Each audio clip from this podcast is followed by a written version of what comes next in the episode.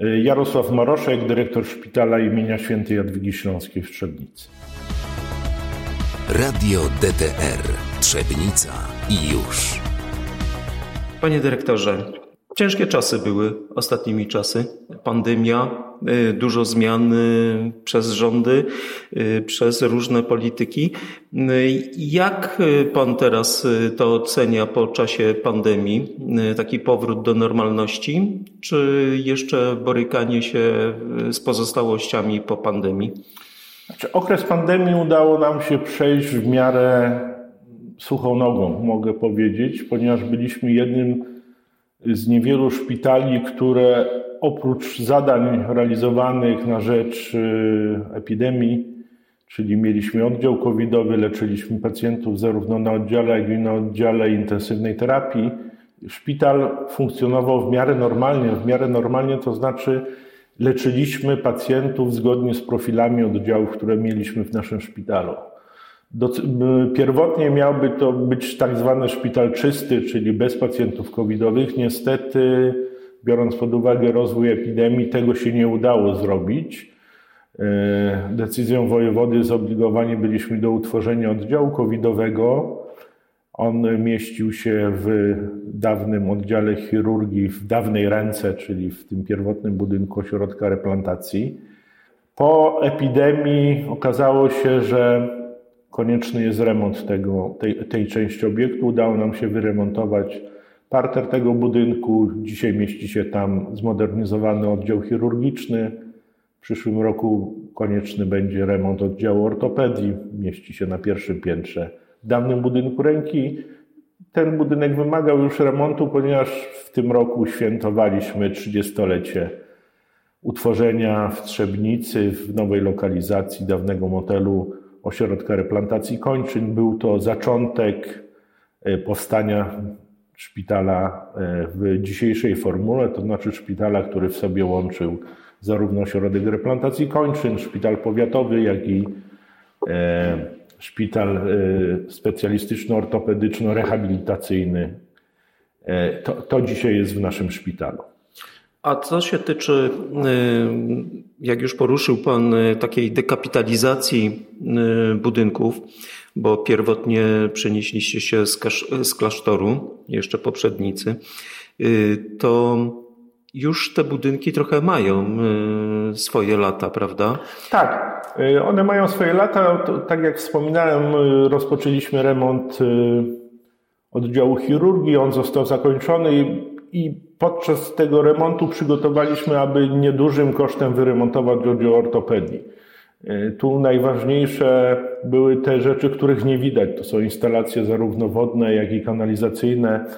One zostały w całości wymienione. Ogrzewanie? E, ogrzewanie nie. My czekamy na środki, które są zapowiadane na termomodernizację szpitali i wtedy. Czyli to będzie bardzo duży postęp, y, tak? Mm. Jeżeli chodzi o ogrzewanie, o klimatyzację dziś, i tak Dzisiaj dalej. de facto ten budynek spełnia wymogi. Przypomnę, że w 2012 roku pewna modernizacja była przy okazji budowy szpitalnego oddziału ratunkowego. Tam część, część pomieszczeń została wtedy wyremontowana, część pomieszczeń powiedzmy w zasadzie SOR został dobudowany do tej litery Elki, którą tworzył ośrodek replantacji kończyn. E, czekamy na termomodernizację, ponieważ dwa nasze budynki, czyli budynek ośrodka replantacji i budynek szpitala powiatowego, to są dwa budynki, które wymagają termomodernizacji.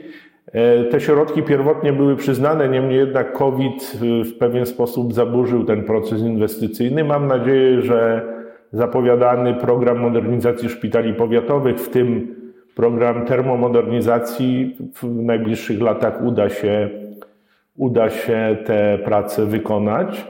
Y, dzisiaj raczej chodzi o poprawienie komfortu przebywania pacjentów, czyli remont sal chorych, remont łazienek, remont ciągów komunikacyjnych. I, I, to jest w najbliższej perspektywie. Najbliższego roku chcemy te prace w 2024 roku rozpocząć i zakończyć, ponieważ nie jest to komfort, y, komfort jest bardzo chyba kluczowym elementem, jak i też jakość życia ludzi, którzy są w powiecie, bo nie tylko z powiatu leczycie mm, osoby.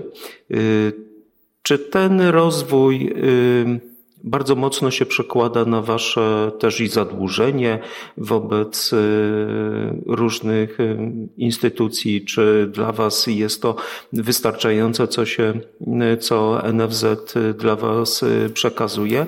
Czy musicie bardzo mocno ograniczać koszty najróżniejszego rodzaju i czy macie też wsparcie y, tutaj y, powiatowych władz i w tym zakresie Wam pomagają?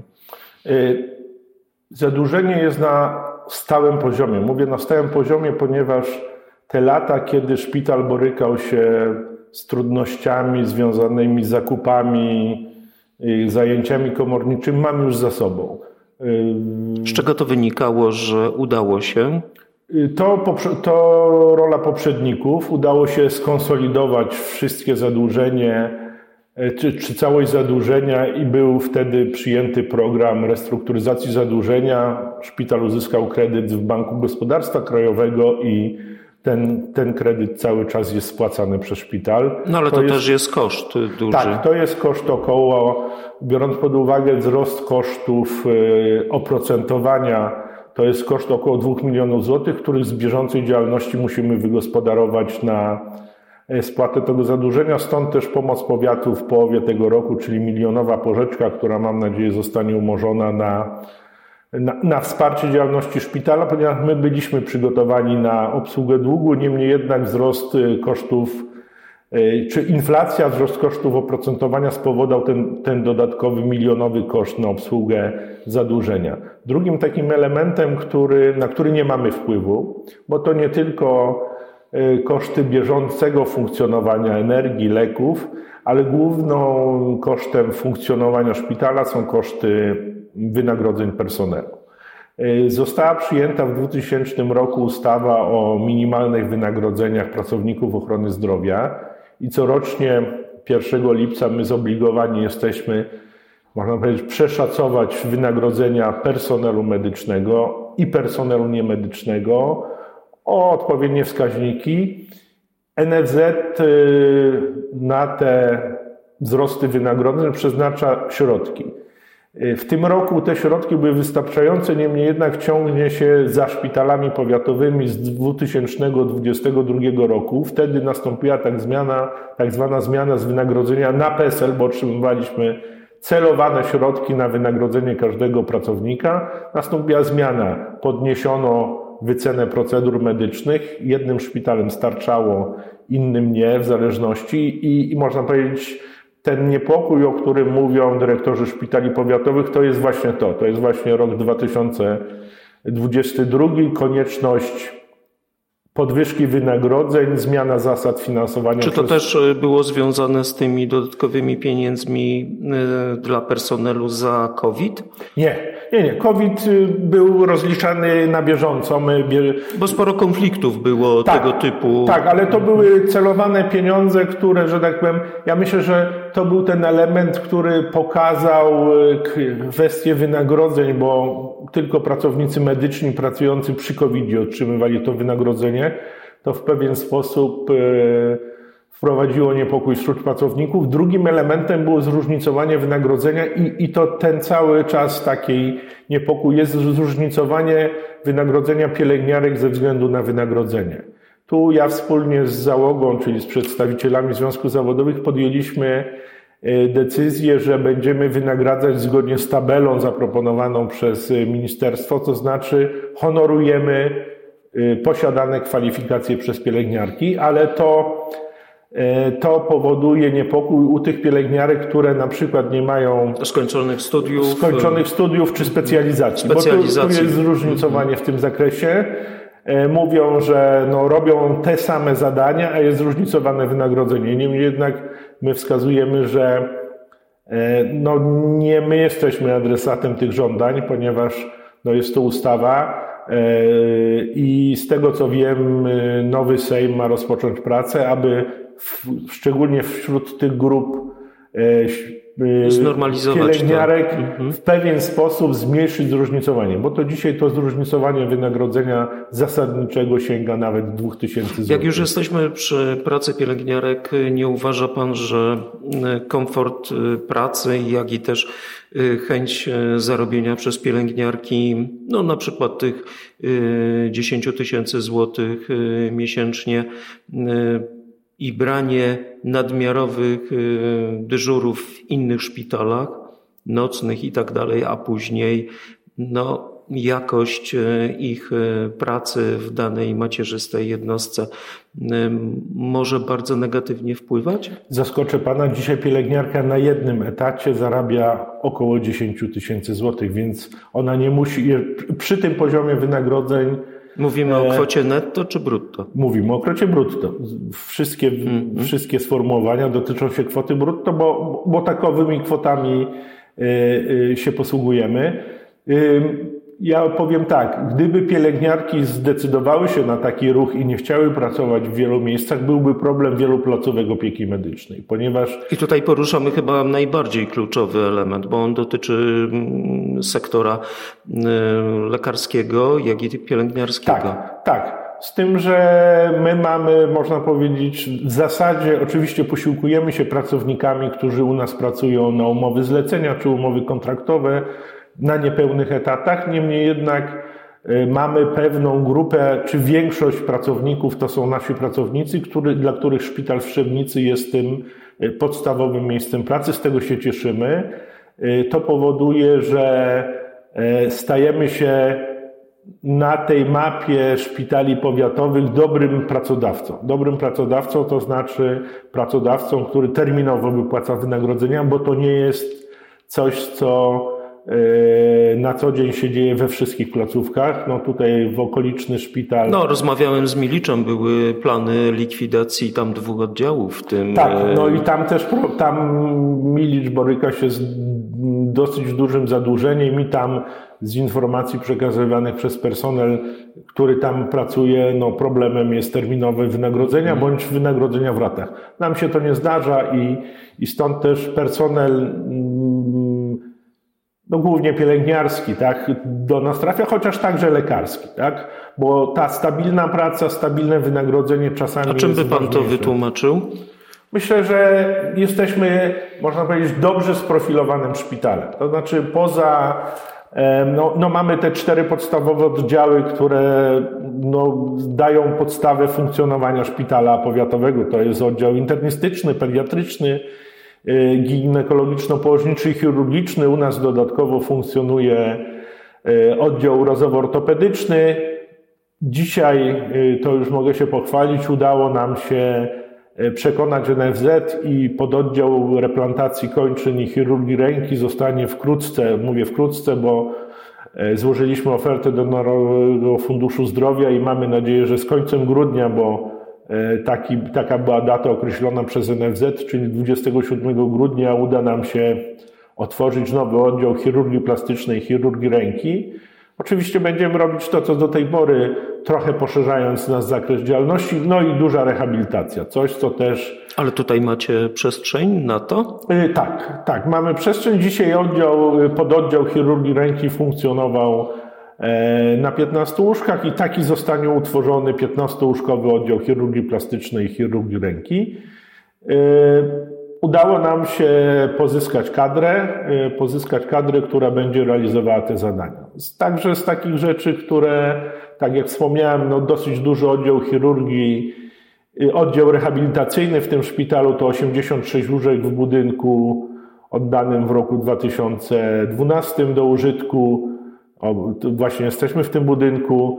Tutaj na dwóch piętrach mieszczą się sale łóżkowe. Na parterze mamy naszą rehabilitację i, i też pochwalę się, uzyska, udało się w tym roku z Funduszu Medycznego pozyskać prawie milion złotych, bo to jest 999 tysięcy. Taki konkurs, który ogłosiło ministerstwo przed samymi wyborami i on musi być zrealizowany do końca roku. My już go w zasadzie finalizujemy umowa na prawie milion złotych, zakup sprzętu, tak zwane roboty medyczne. Ten sprzęt już został zakupiony, jest, on poszerzy naszą ofertę mm, rehabilitacyjną. To też pozwoli w części doposażyć szpital w Żmigrodzie, bo musimy pamiętać, że po połączeniu w zeszłym roku Żmigród jest naszą filią, tam też jest rehabilitacja i część sprzętu rehabilitacyjnego będziemy mogli przeznaczyć na doposażenie 40-łóżkowego oddziału. Jak bardzo y, mocno wpływa nowoczesność na y, ten aspekt y, efektywnego wydawania i wydatkowania pieniędzy? No, to jest konieczność. Konieczność związana z starzeniem się sprzętu. Tu, tu też dobra informacja, bo udało nam się także pozyskać prawie 5 milionów złotych na doposażenie SOR-u i pracowni z nich współpracującymi, czyli uda nam się wymienić e, sprzęt funkcjonujący dzisiaj na naszym szpitalnym oddziale ratunkowym, ale także wymienimy dwa aparaty rentgenowskie, zakupimy nowe aparaty ultrasonograficzne. To jest coś, co jest dzisiaj koniecznością, koniecznością wynikającą z nowoczesnej medycyny, bo Dawniej, jak to mówią, e, lekarz, jego słuchawka, jego wiedza była podstawą. Dzisiaj wydaje się, że bez tego oprzyrządowania, czyli rentgenów, aparatów USG, tomografów, nie ma nowoczesnej medycyny. No nawet też... bandaży i plastrów y, nowoczesnych y, e, tak, też. Tak, tak, oczywiście to, to, to jest tak, tylko y, ten cały sprzęt diagnostyczny skraca, skraca proces diagnozowania. Tak, my dzisiaj... I pobytu. Y, tak, my dzisiaj szybciej diagnozujemy pacjenta, szybciej możemy, możemy go zoperować, szybciej go rehabilitować i szybciej wypuścić do domu. Dzisiaj ten czas na oddziałach y, zabiegowych to jest około 4-5 dni pobytu.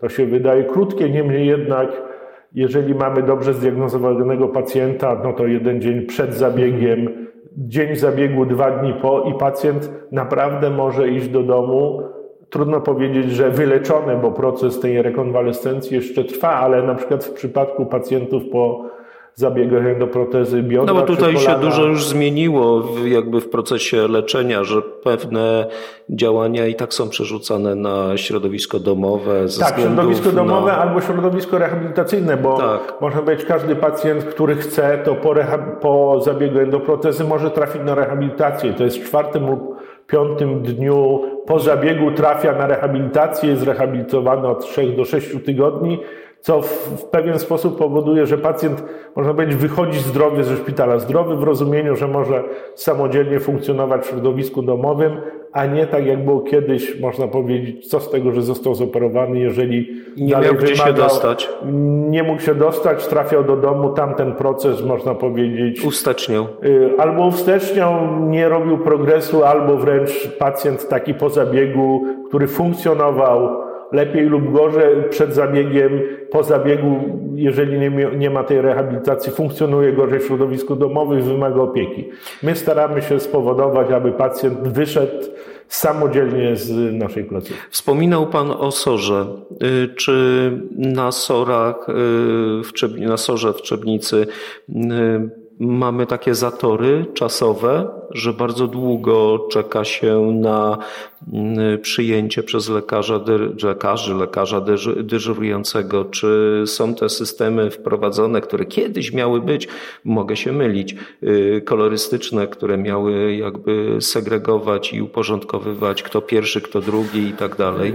Y, segregacja to brzydkie słowo, ale tak, ona, tak, ona tak. się odbywa. My to nazywamy triażowanie. Tak? Czyli ten triaż się odbywa, jest specjalny pracownik. Po angielsku, ale pracownik po medy, pracownik medyczny, który ocenia potrzebę e, i pilność przyjęcia pacjenta. Tak? Musimy pamiętać, że e, pacjenci na SOR trafiają przywiezieni karetką czasami w bardzo ciężkim stanie, na przykład z wypadku samochodowego i, i tu każda minuta, a wręcz sekunda e, ma znaczenie i, i, i taki pacjent jest w pierwszej kolejności przyjmowany. Są pacjenci przywożeni przez, przez rodzinę z stanami nagłymi wymagającymi diagnostyki, ale są czasami pacjenci, którzy nie wiem dlaczego trafiają na SOR. Tak? Przychodzą, mieliśmy takie przypadki, że pan skaleczył sobie palec, miał przecięcie e, no może nieraz e, lekarz pierwszego kontaktu nie, nie, nie, nie. Pan przyszedł sam, ponieważ miał krwawienie, tak? Kiedy sobie zaczynał zdejmować plaster z palca, to miał krwawienie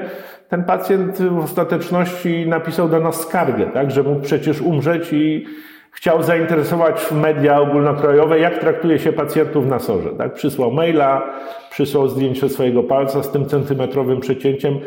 Różni pacjenci się trafiają. Czas, większy problem mamy z pacjentami, którzy trafiają mm, do szpitala na przykład w godzinach południowych, kiedy nie funkcjonuje jeszcze nocna i świąteczna pomoc medyczna, bo takowa jest w naszym szpitalu. Ona jest czynna od godziny 18 do godziny 8 y, następnego dnia i w niedzielę i święta w budynku głównym szpitala, trafiają na przykład do godziny 12 z dzieckiem i mówiąc, że w przychodni dziecka nie przyjęli, a stan dziecka jest y, no, niepokojący. Tak? Wtedy, no oczywiście żadnego pacjenta nie zostawiamy bez pomocy, wtedy mając y, lekarzy, lekarzy dyżurujących na oddziałach, mając izbę przyjęć, zawsze ten, ten lekarz jest y, dostępny dla pacjentów. Niemniej jednak w pewien sposób to utrudnia, dezorganizuje pracę i czasami to niezadowolenie pacjenta wynika z trudności uzyskania opieki w innym miejscu, tak? bo nie każdy pacjent chirurgiczny musi trafić na SOR. On mógłby w stanie nagłym trafić do poradni chirurgicznej. A z czego to może wynikać? To wynika pewnie też z to, o czym rozmawialiśmy na początku, ze szczupłości kadr, tak? bo można powiedzieć, y, z tego co wiem, y, w sezonie grypowym atakowy się zaczyna w przychodniach są kolejki, są trudności z zarejestrowaniem do lekarza, nawet trudności e, z zainteresowaniem lekarza stanem zdrowia, kiedy pacjent przyjdzie powiedzieć, bardzo źle się czuje, czy lekarz mógłby mnie przyjąć, tak? Czasami jest odpowiedź nie. My, my to obserwujemy to tak jak już mówiłem, kiedy pacjent trafia do budynku głównego szpitala, do punktu informacyjnego i mówi, czy mógłbym się zobaczyć z jakimś lekarzem, na pytanie, a co panu dolega, czy ma pan skierowanie, bo zwykle tacy pacjenci trafiają do szpitala. Pan mówi, nie, nie zostałem przyjęty w mojej przychodni, a źle się czuję. Trudno odmówić pomocy pacjentowi. No i, i, i, że tak powiem, w pewien sposób e, my zainteresujemy się tym pacjentem, tylko proszę pamiętać, że my za te interwencje, no nie no mając właśnie. podstawowej opieki zdrowotnej w szpitalu przychodni, w żaden Robicie to za darmo. wynagradzani. Tak, znaczy to, no, y, tak, tak można powiedzieć. Tak, jest to dodatkowa praca. Oczywiście, jeżeli pacjent stan jego jest tak poważny, że trafi na oddział, w efekcie my rozliczymy te świadczenia, ale kiedy zostanie udzielona porada na izbie przyjęć, to w żaden sposób nie jest gratyfikowane przez Narodowy Fundusz Zdrowia. Panie dyrektorze, tak na koniec. Y, bardzo ważna i kluczowa y, sprawa. Szpitale w wielu wypadkach w różnych miejscach y, borykają się z, pewnym, z pewną taką oceną pacjentów i tych ludzi, którzy przychodzą do pacjentów, mianowicie z jakością jedzenia. Jak to wygląda u Pana? Y, czy posiłki są zimne, czy posiłki są y, dosyć y, średnio przygotowane i tak dalej? Czy bardzo mocno tutaj trzymacie firmy cateringowe, czy w ogóle osoby, które przygotowują te posiłki dla pacjentów? My staramy się zbierać informacje od pacjentów o tych warunkach pozamedycznych, bo pacjentowi jest czasami trudno ocenić, interwencję medyczną, no jest tu ta dysproporcja wiedzy, umiejętności, ale pacjent może ocenić, czy personel jest uprzejmy, może ocenić, czy posiłki są dobre, czy łóżko jest wygodne, czy warunki te socjalno-bytowe są dobre. My ankietujemy pacjentów. Ta, tą ankietę dla nas prowadzi Centrum Monitorowania Jakości, instytucja, która jest do tego predestynowana i w, na, w, naszym imieniu niezależnie zbiera te informacje. My zachęcamy pacjentów do przekazywania tych informacji.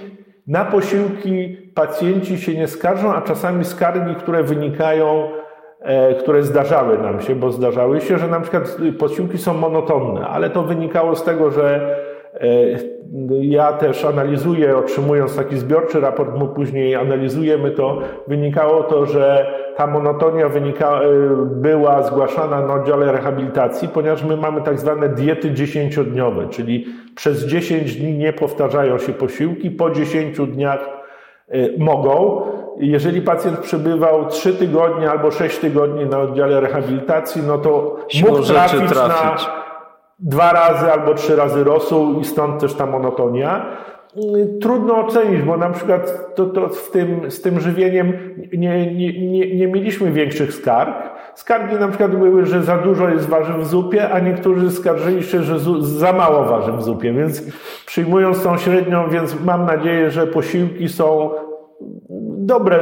Oczywiście zwracamy uwagę na, na warunki, czy, czy są, no, na, na szczęście mamy sale z łazienkami, czy przy tych modułach łóżkowych są łazienki, więc ten komfort pobytu jest, mam nadzieję, dobry.